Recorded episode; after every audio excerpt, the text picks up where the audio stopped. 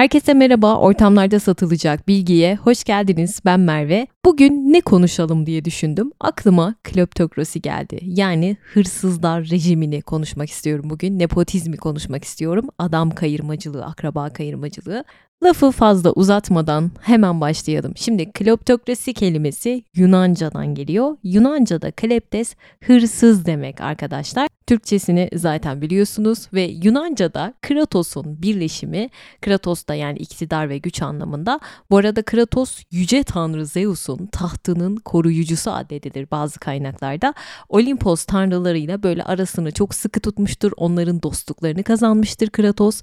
Yani Kratos Uğur Mumcu'nun deyimiyle kaplanın sırtında hüküm sürenlerden biri diyebiliriz.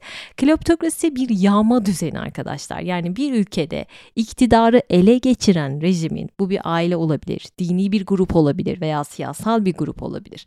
Bunların ülkenin kaynaklarını böyle soyup soğana çevirmesidir kleptokrasi. Yani kısacası hırsızların rejimidir. Kleptokrasi ile yönetilen ülkelerdeki politikacılar kendilerini hukuk üstünlüğünün dışında tutarlar.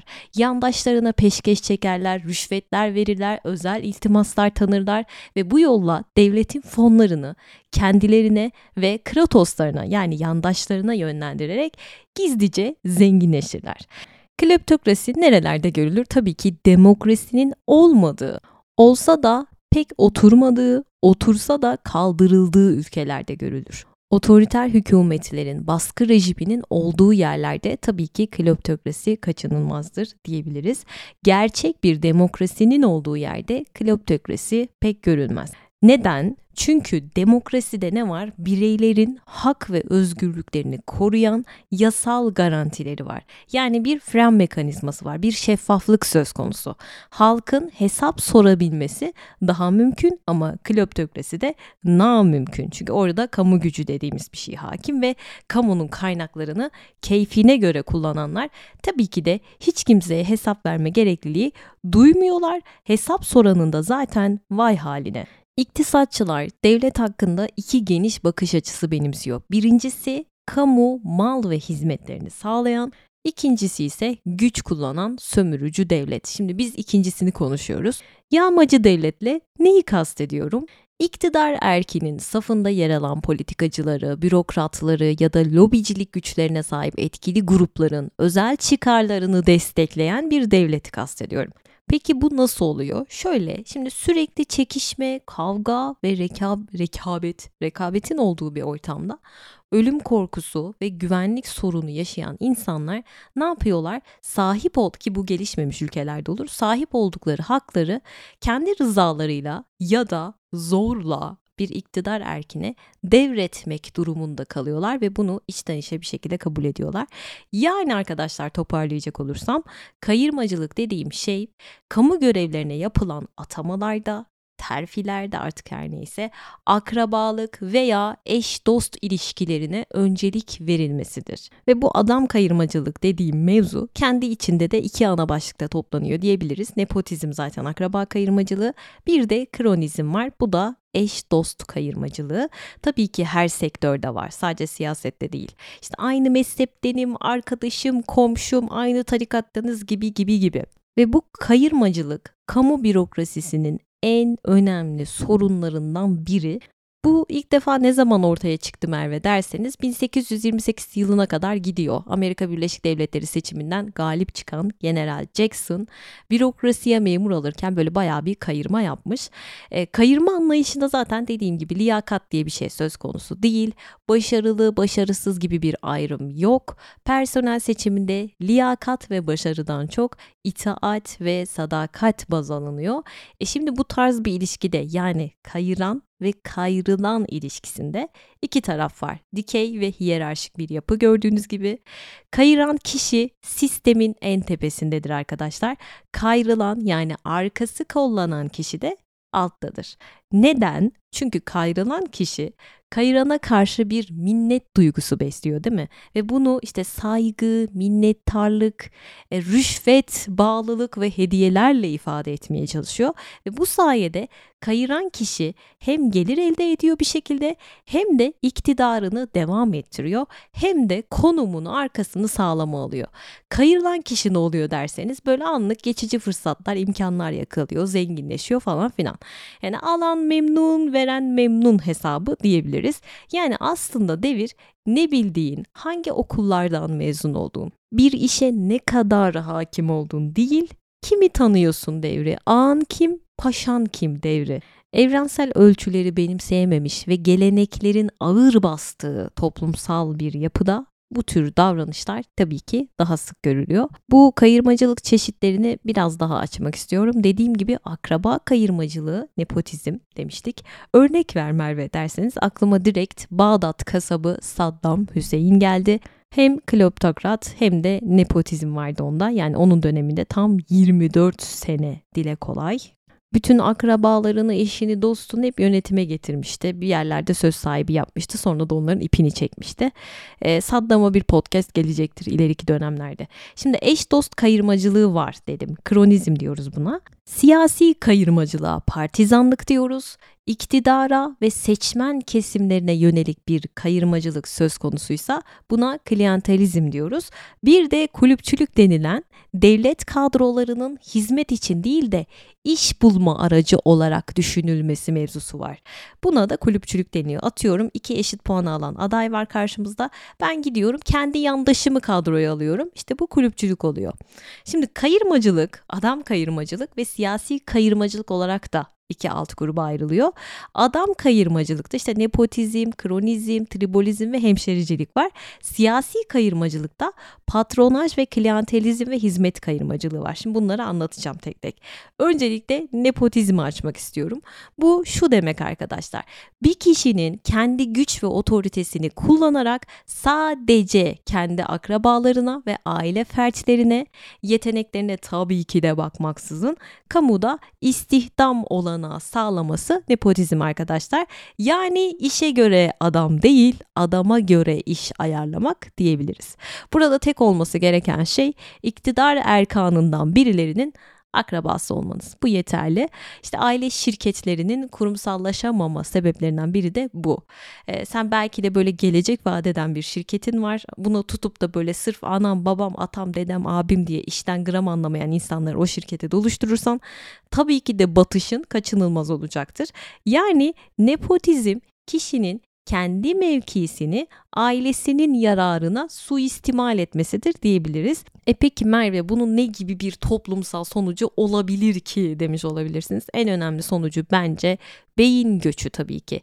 Yüksek vasıflı insanlarımızı gelişmiş ülkelere kaptırırız. Bu benim kanayan yaram olabilir çünkü çok üzülüyorum beyin göç olduğu zaman ki oluyor. Yani 100 kişiden 59'unu göç nedeniyle kaybediyoruz arkadaşlar. Ve Türkiye en fazla beyin göçü veren 34 ülke içerisinde 24. sırada yer alıyor. Şimdi nepotizmin bir diğer kötü sonucu da şu, çalışanlar arasında hissedilen o eşitsizlik, o adaletsizlik duygusuyla beraber iş yerlerindeki performanslarının düşüşü. Neden? Çünkü kendilerini değersiz hissetmelerinden dolayı. Ve bu çalışanların bireysel performanslarını arttırmak yerine çalıştıkları kurumda bulunan o üst yönetimle akrabalıkları olan kişilerle onları işte basamak olarak kullanmaları yükselmek için. Onlarla yakınlık bağ kurmaya çalışmaları. Bence bu da çok kötü bir şey. Yani birilerine ağız eğmek sırf başkalarının akrabası olduğu için üst düzeydeki kişilerin. E, bu da insanın bence kişiliğini, psikolojisini, karakterini bozar diye düşünüyorum. Sırada eş dost kayırmacılığı var. Buna da kronizm diyoruz. Kronizmin kökeni de 17. yüzyıla dayanıyor. Cambridge Üniversitesi'nde o zamanlar öğrenciler kendi aralarında böyle uzun sürecek olan yakın arkadaşlıklar için kroni kelimesini kullanıyorlarmış. Buradan geliyor. Şu anki manasına da 1946 yılında Amerikan Başkanı Theodore Roosevelt döneminde kazanmıştır. Roosevelt'ten ben bahsetmiştim arkadaş nedir nasıl kazanılır bölümünde hatırlarsanız. E, kendi döneminde devlet memurluğu görevlerine yetkin olmayan kişileri getiriyor. Neden? Sırf böyle eşim dostum diye onlara peşkeş çekmiş Kronizmde ihaleler de böyle tabii ki yakın çevredekilere dağıtılıyor. E Merve bunun neticesi ne derseniz tabii ki büyük çaplı yolsuzluklar görülüyor arkadaşlar. Gelelim hemşericiliğe. Yani Türkiye'de çok var bu bunu anlatmama gerek yok zaten biliyorsunuz. Bunun sonucu da kutuplaşmalar arkadaşlar. Siyasi kayırmacılığa gelecek olursak yani partizanlık bu da siyasi partilerin iktidara geldikten sonra kendilerini destekleyen seçmen gruplarına ayrıcalık tanınması oluyor arkadaşlar. Yani partizanlık eşittir politik yandaşlık demek. Amerika'da çok sık görülüyor zaten. Peki bunun sonucu ne Merve partizanlığın? Şöyle şimdi seçimlerden sonra herkes devlet kademelerine yandaşlarını koyuyor. E ne oluyor? İşi bilen bilmeyen hepsi birbirine karışıyor. O işin devamlılığı varsa bir sekteye uğruyor.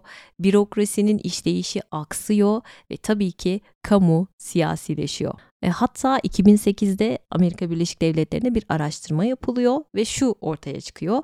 Bazı kişilerin böyle işverenlerin ön yargılarından kaynaklı olarak iş yerlerinde siyasi ayrımcılığa maruz kaldığı ortaya çıkıyor. Terfi alamadıkları hatta işten çıkarmaların olduğu tespit ediliyor sırf siyasi görüşlerinden dolayı. Sırada patronaj var. Bu da şu demek yani o siyasi süreç içerisinde siyasi partilerin iktidara geldikten sonra kamu kurum ve kuruluşlarında çalışan üst düzey bürokratları görevden alarak onların yerine kendi yandaşlarını atamalar arkadaşlar.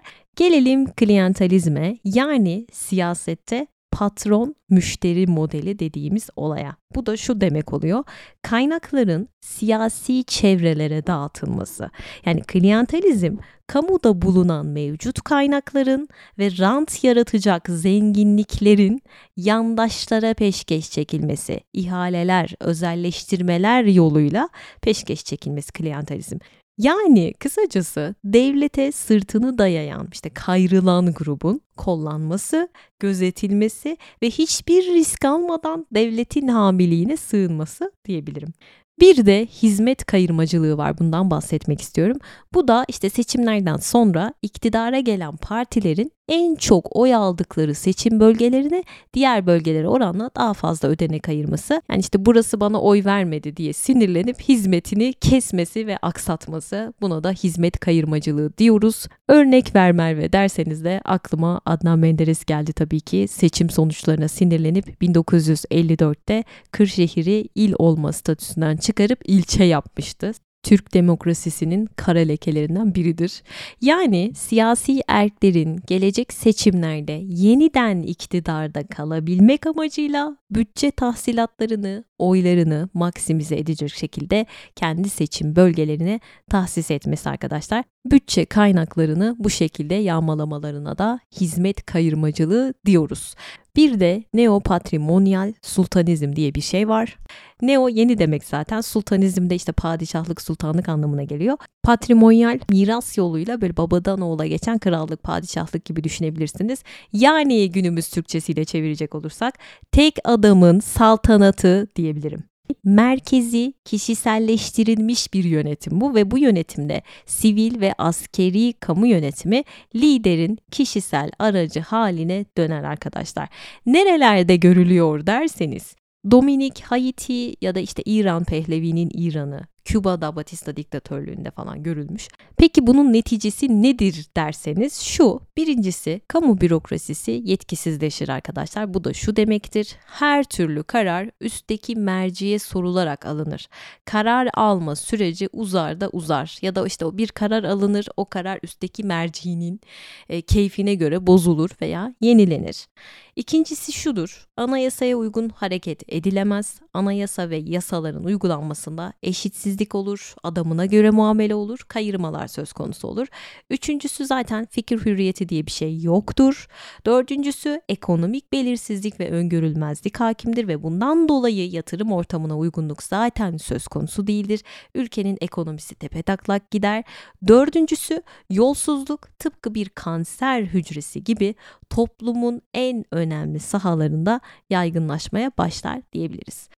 Son olarak toplayacak olursam arkadaşlar, kleptokrasi devletin bütün kaynaklarını çalmak demektir. Peki nasıl yapılır Merve bu? Şöyle, Şimdi doğal kaynakları kamulaştırarak işte petrolü, altını, doğalgazı artık ne varsa alarak sonra işte bu kamulaştırdıklarının başına yandaşları getirerek çünkü neden hakeme rüşvet vermeden büyük bir maç oynayamazsınız. E, bütün ticareti kontrol altına alarak fiyatları şişirip talep yaratmak için malları ellerinde tutarak halktan astronomik vergiler toplayarak kleptokrasi yapılır. Kleptokrasi kısaca budur arkadaşlar. Sıradan bir hırsız paranızı, cüzdanınızı, bisikletinizi çalar. Politik hırsız ise geleceğinizi, hayallerinizi, bilginizi, eğitiminizi, sağlığınızı, gülümsemenizi çalar. İkisi arasında tek fark vardır. Sıradan hırsız sizi seçer, siyasi hırsızınızı kendiniz seçersiniz. Sadece kalbinizin çalınmasını diliyorum. Pazartesi günü yeni bölümümle tekrar karşınızda olacağım. Beni Instagram'da takip etmek isteyenler için adresimi aşağı bırakıyorum. Görüşmek üzere. Kendinize iyi bakın. Hoşçakalın. Bay bay.